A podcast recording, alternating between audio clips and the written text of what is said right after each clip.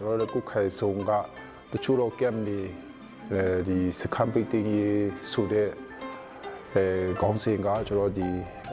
စစ်ကောင်စီထွေအုပ်ပေါ့နော်ကနေပြီးတော့မှခေါ်တယ်ပြီးတော့မှဒီနေ့ထဲမှာပဲဒီ March or AP May ပေါ့နော်အဲနောက်ဆုံးထားပြီးတော့မှစကမ်ပိတင်ဖို့အတွက်သူက PR အဲပေးတာပေါ့နော်ခုတော့မှမိုးယူနေထဲမှာမိုးအင်းနေတော့အတိဆောက်တယ်ဆိုတော့ အင်းမပြီးခင်မှာနေရတယ်လို့တော့အခုလည်းတကားပေါက်တော့မရှိသေးဘူးရှမ်းပြည်နယ်မြောက်ပိုင်းမှာပြည်ပခါတွေဆက်လက်ဖြစ်ပွားနေပြီးနှစ်ကာလကြာမြင့်လာတာနဲ့အတူအိုးမဲအိမ်မဲစစ်ရှောင်ရသူထောင်ပေါင်းများစွာရှိလာခဲ့ပါတယ်။စစ်အာဏာသိမ်းပြီးတဲ့နောက်မှာတော့တိုက်ပွဲတွေပိုပြင်းထန်လာခဲ့ပေမဲ့စစ်ရှောင်တချို့ဟာစခန်းတွေကနေထွက်သွားဖို့ဖိအားပေးခံရပြီးမလုံမကြုံနဲ့ကိုယ့်အားကိုယ်ကိုပြီးနေထိုင်ကြရပါတယ်။ မင်္ဂလာပါရှင်မြန်မာနိုင်ငံတဝန်းမှာရှိတဲ့လူ့အခွင့်အရေးနဲ့ပတ်သက်တဲ့အကြောင်းအရာတွေကိုတင်ဆက်ပေးနေတဲ့ဒို့အတန်ပတ်စင်ဖော့ကတ်အစီအစဉ်ကနေကြိုဆိုပါရစေ။ဒီအစီအစဉ်ကို Foundation Hero တဲကတင်ဆက်ကြဖြစ်ပါတယ်။ဒီတစ်ပတ်ဆောင်းပါးကိုတော့ရွှေပြင်းမြေသတင်းအေဂျင်စီကသတင်းတော်လွေးအဖော်ကရေးသားထားပြီးမိုင်းအကြကဆက်လက်တင်ဆက်ပေးသွားမှာပါ။ဆောင်းပါးအတွင်းလုံခြုံရေးအခြေအနေတွေကြောင့်နာမည်တချို့ကိုပြောင်းလဲအသုံးပြုထားပါတယ်ရှင်။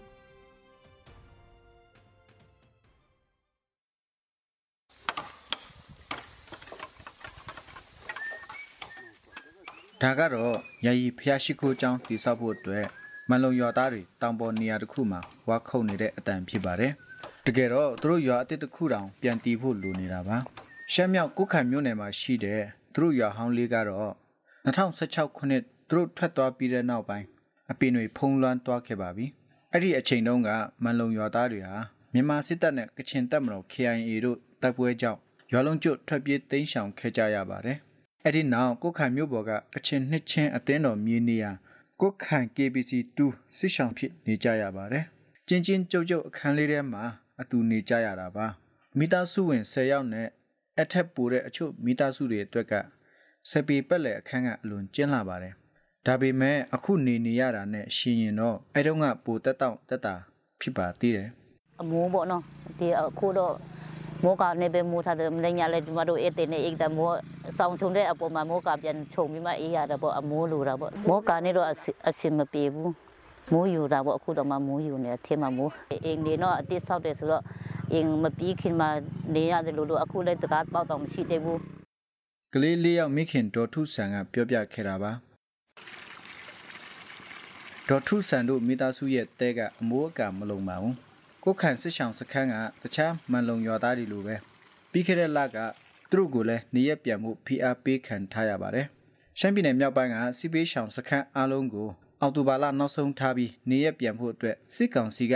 2022ခုနှစ်စက်တင်ဘာလပထမအပတ်မှာထုတ်ပြန်ချက်ထုတ်ခဲ့ပါတယ်။ဘာကြောင့်နေရက်ကိုအတင်းပြန်ခိုင်းနေဆိုတာကထုတ်ပြန်ချက်မှာမပါရှိပါဘူး။ဒါအပြင်2023မတ်လ29ရက်နေ့မှာ ကုတ်ခိုင်မြို့နယ်ထဲကစစ်ဆောင်စခန်းအားလုံးကိုစစ်ကောင်စီကနောက်ဆုံးထားပြီးနေရက်ပြန်မှုထုတ်ပြန်ထားတာရှိခဲ့ပါတယ်။စစ်ဆောင်ရေးကူညီဆောင်ရွက်ပေးသူဦးကြာကစစ်ကောင်စီလက်အောက်ခံကုတ်ခိုင်ထွေအုပ်ရုံးကစစ်ဆောင်စခန်းကော်မတီတွေကိုလေးကြိမ်ထပ်မံခေါ်တွေ့ပြီးစခန်းတွေဖျက်သိမ်းဖို့ဖိအားပေးခဲ့တယ်လို့ဆိုပါတယ်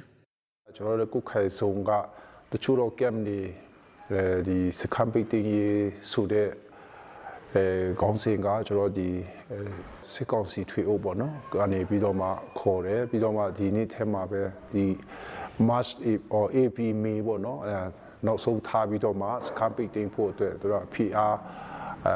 ပေးတာပေါ့နော်သူတို့ခေါ်ပြီးတော့မှအဲ့လိုမျိုးပြောတဲ့အခါကျတော့တချို့ camp တွေကျတော့အဲဒီစကမ်ပိတ်တင်ရေးအဲဘာပဲဖြစ်ဖြစ်အခုအဲလုတ်ကိုလုတ်တော့မယ်ထင်တယ်ပေါ့ပြောတာလဲ ဖိအားပေးတာလဲထက်ခါခါရှိလာတဲ့ခါကျတော့သူတို့အနေနဲ့အဲဘာပဲဖြစ်ဖြစ်ဆိုပြီးတော့မှအဲကိုရက်ကိုရွာကိုပေါ့နော်သူတို့အဲဘာပဲဖြစ်အခုတခြားတော့ဖွဲ့စည်းကြလဲအဲကူကြီးထောက်ပံ့မှုကလည်းယောနေလာတယ်နောက်ကဒီစစ်ကောင်စီကလည်းအဲ PR ပေးတာလည်းအဲခါစစ်စစ်ဖြစ်လာတဲ့ခါကျတော့သူတို့ဖန်နေသူတို့ အဲပြန်သွားကြတဲ့အစီအစဉ်တွေပေါ့တခြားတော့ကူညီနေတဲ့အဖွဲ့အစည်းတွေတော့မှသူတို့မပြောရဲတော့ဘူးပေါ့နော်အဲမပြောရဲပဲနဲ့အဲသူတို့ဖန်နေသူတို့အဲပြန်သွားကြတာပေါ့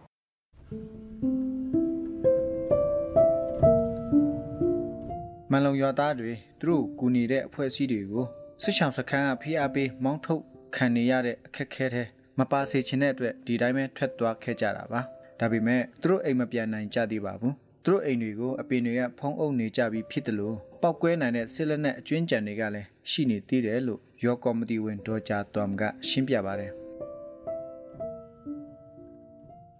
ကျမတို့မူရင်းရွာတော့ဟိုတောင်နည်းနည်းတောင်ပေါ်ဖက်မှာပေါ့နော်နည်းနည်းတောင်ဖက်မှာအရင်တုန်းကအာစစ်တပ်တွေခဏတဖြုတ်ယာယီစစ်တပ်တွေလာချသွားတာရှိတယ်ပေါ့နော်အဲ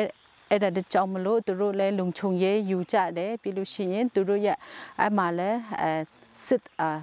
ဘယ်လိုမျိုးလဲစစ်တွေဖြစ်သေးတယ်ပေါ့နော်အဲ့ချင်းကျမတို့အတွက်အဲစစ်ကျွေးစစ်ကြံတွေမိုင်း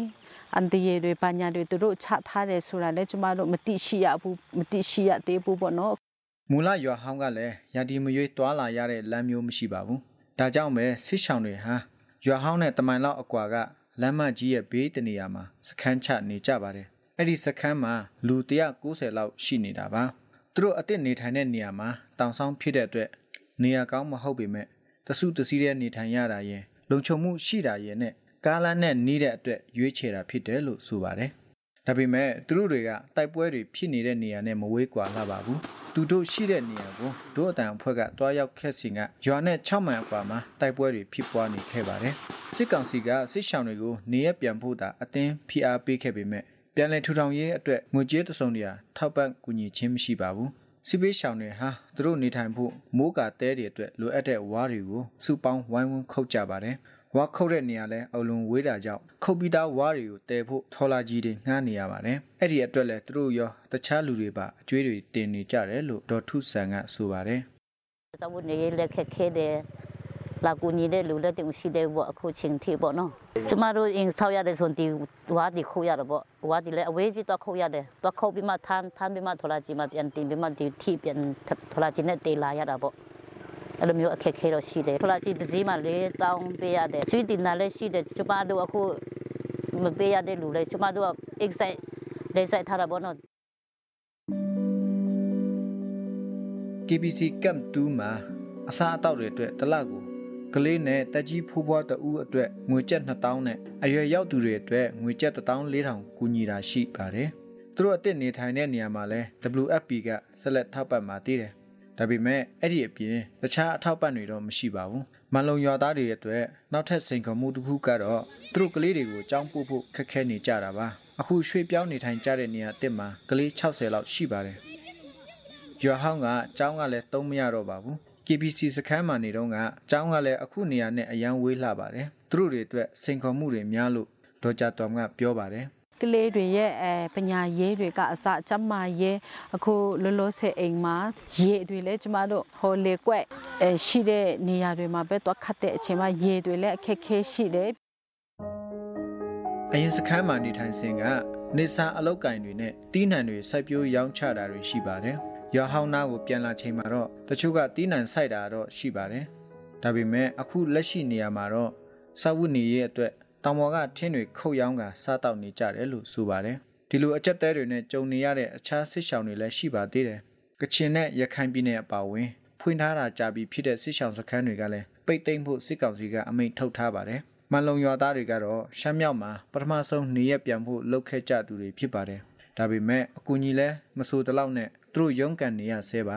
မကြခင်မိုးရတီလဲရောက်တော့မှမို့လို့အရေးကြီးတဲ့အခြေအနေရောက်နေပြီလို့ဒေါ်ကြတောင်ကထောက်ပြပါတယ်အခိုင်အမာပေါ့နော်အဲအရန်ကြီးကြီးတဲ့လုံးချင်းအိမ်မဟုတ်ပေမဲ့အဲတဲ့အိမ်တိုင်းလုံးချင်းအိမ်တော့ဟုတ်တယ်ပေါ့နော်ဒါပေမဲ့အဲနည်းနည်းခိုင်ခိုင်ခန့်ခန့်ချင်းအိမ်တွေကျမတို့လိုအပ်တယ်ပေါ့နော် တုတ်တေပါညာတယ်အကာတွေပေါ့နော်အခုလိုမျိုးမောကာတွေနဲ့ပဲမဟုတ်ပဲနဲ့အဲအဲနည်းနည်းခိုင်ခိုင်ခန့်ခန့်လေးအကာတွေကျမတို့ရွာတစ်မှာပြန်လေတီထောင်နေတာဟုတ်တယ်ကျမတို့အဲလိုအပ်ချက်တွေအများကြီးရှိရှိတဲ့အတွက်ကြောင့်မလို့ပေါ့နော်ကျမတို့ကိုလာကြည့်ရှုပြမအကြံပေးလာကူညီထောက်ပံ့ဖို့ရအတွက်လည်းကျမတို့တောင်းခံချင်ပါတယ်လို့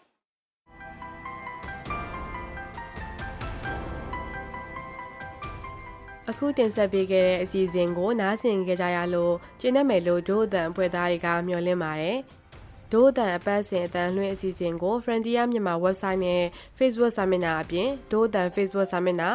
SoundCloud, YouTube, iTunes တို့ကနေလည်းဝင်ရောက်နားဆင်နိုင်မှာဖြစ်တယ်လို့ VOA ကထုတ်လွှင့်တဲ့ရေဒီယိုအစီအစဉ်မှာလည်းစနေနေ့ည9:00နာရီကနေ10:00နာရီအတွင်းနဲ့တနင်္ဂနွေနေ့မနက်6:00နာရီကနေ9:00နာရီအတွင်းမှာလည်းနားဆင်နိုင်ပါတယ်။ ဒီအစီအစဉ်ကိုလူရှင်တွေကပတ်မိုးကူညီထားပြီး Frontier မြန်မာနဲ့ Foundation Hero တွေတို့ကပူးပေါင်းတင်ဆက်ထားတာဖြစ်ပါတယ်။ဒို့အတန်အစီအစဉ်ကိုနားဆင်ပေးတဲ့အတွက်ကျေးဇူးအထူးတင်ရှိပါတယ်ရှင်။